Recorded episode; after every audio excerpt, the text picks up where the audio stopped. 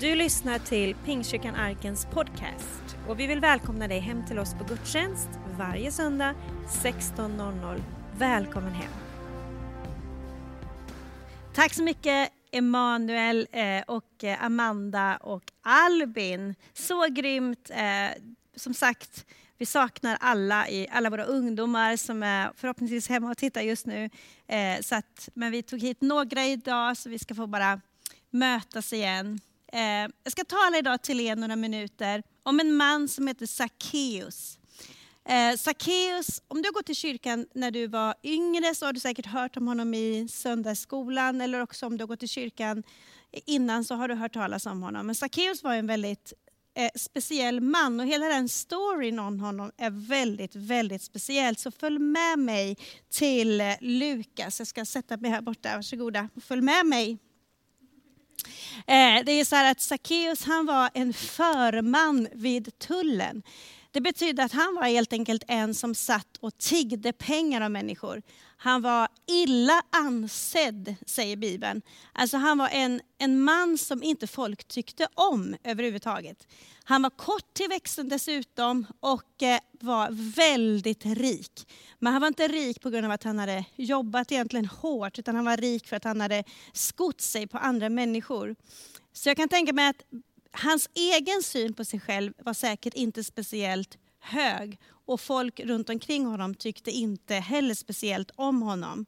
Eh, men en dag kom Jesus och när Jesus kommer så kan ju allt ändras, det vet vi om. Det står så här i Lukas 19.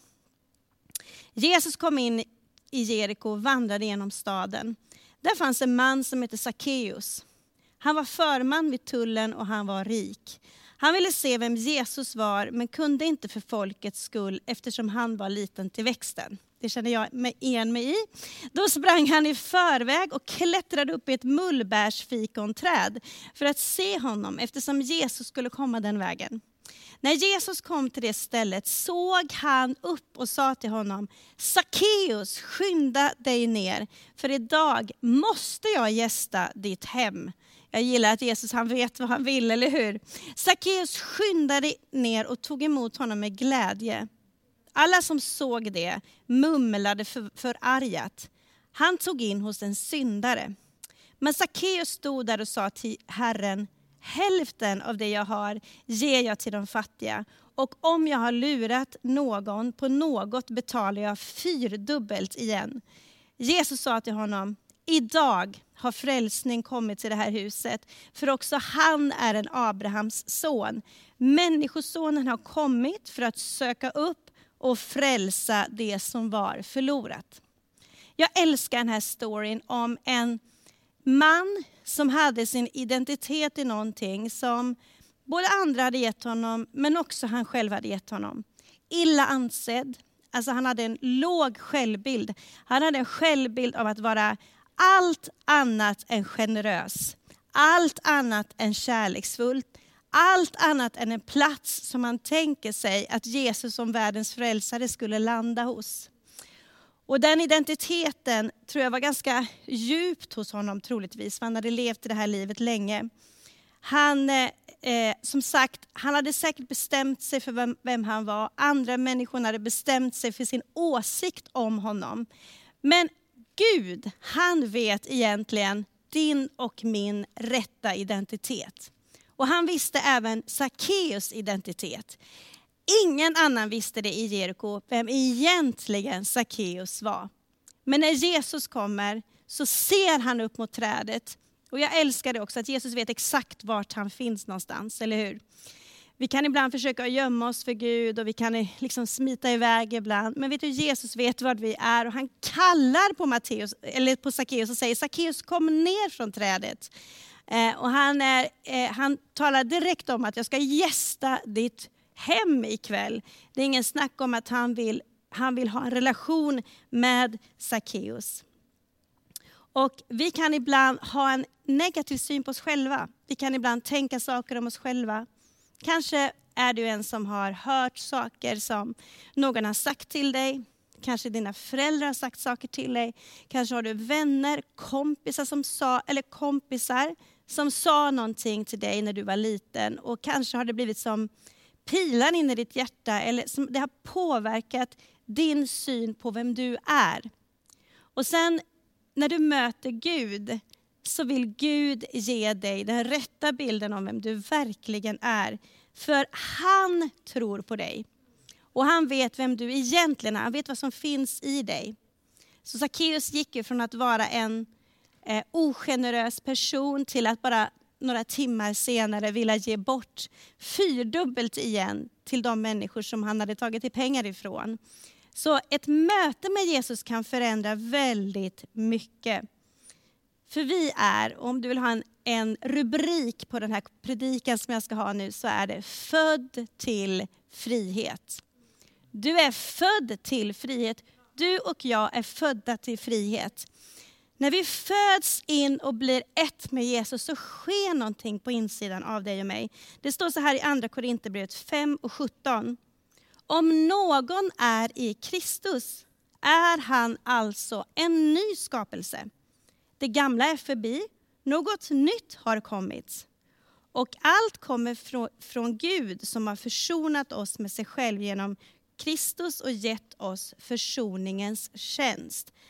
Om någon är i Kristus är han någon ny skapelse.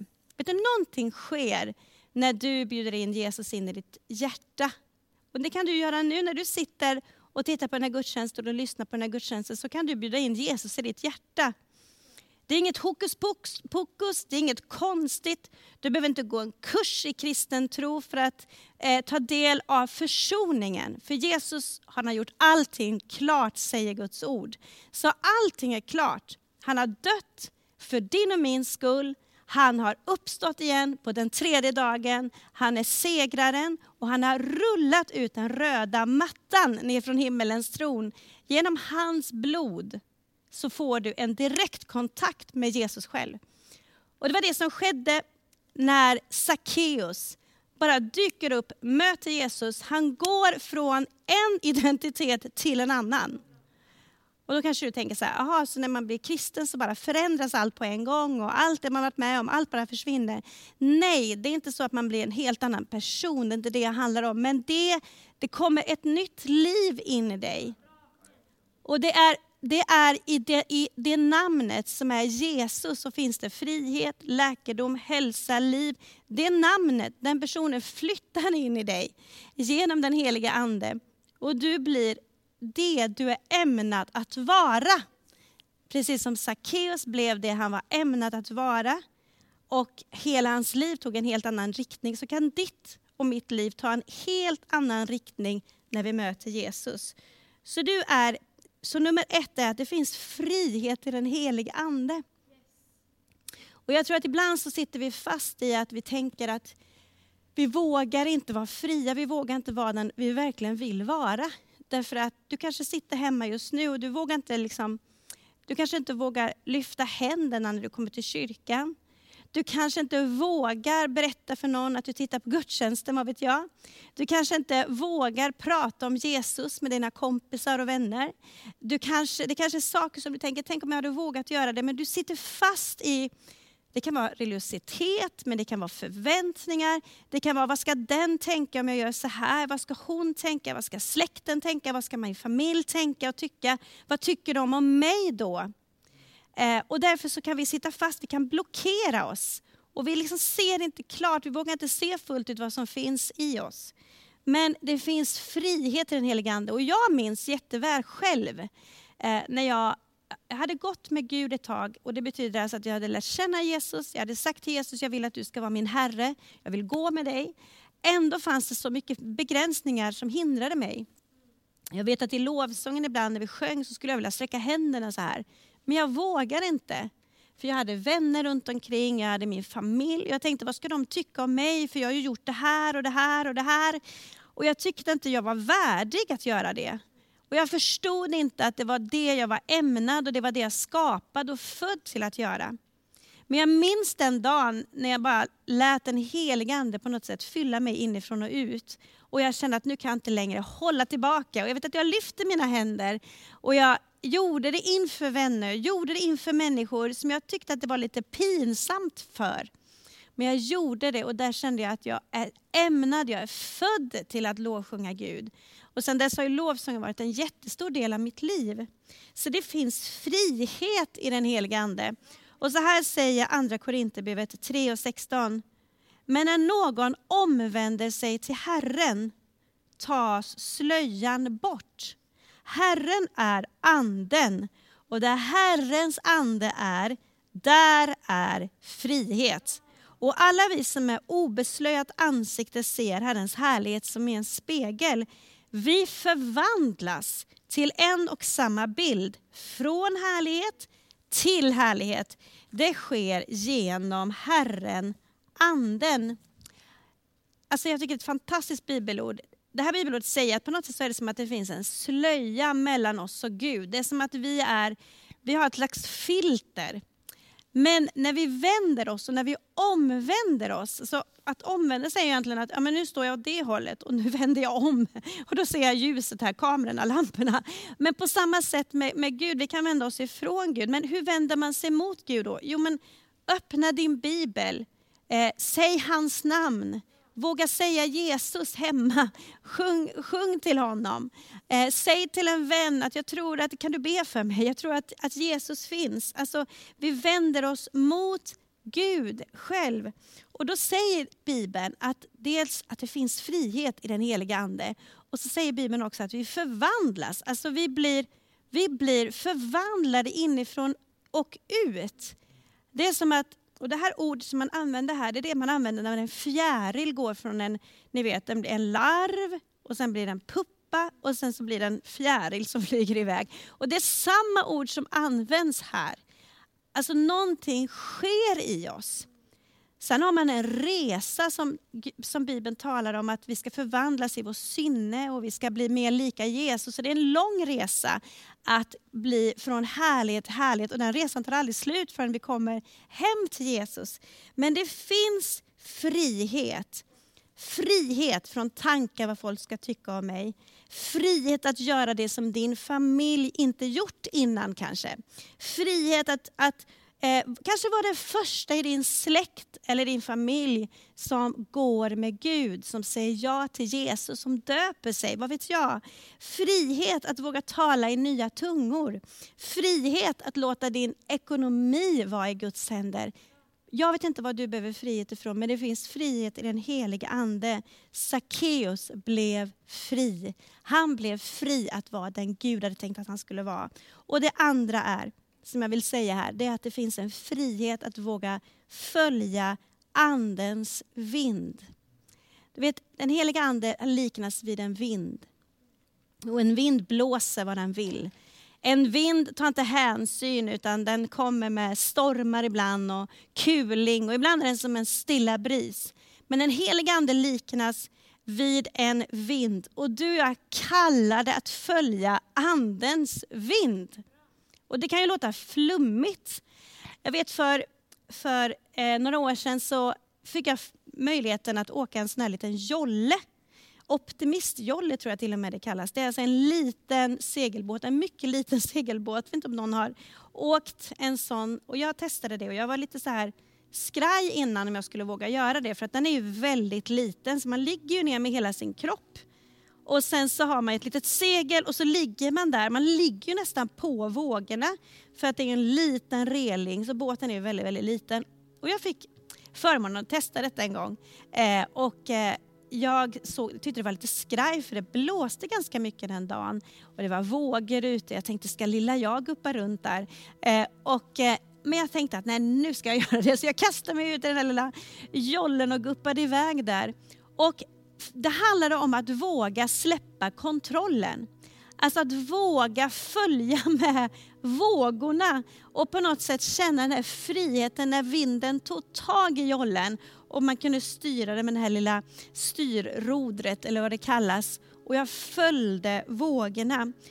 Och Bibeln säger så här, Johannes 3 och 8.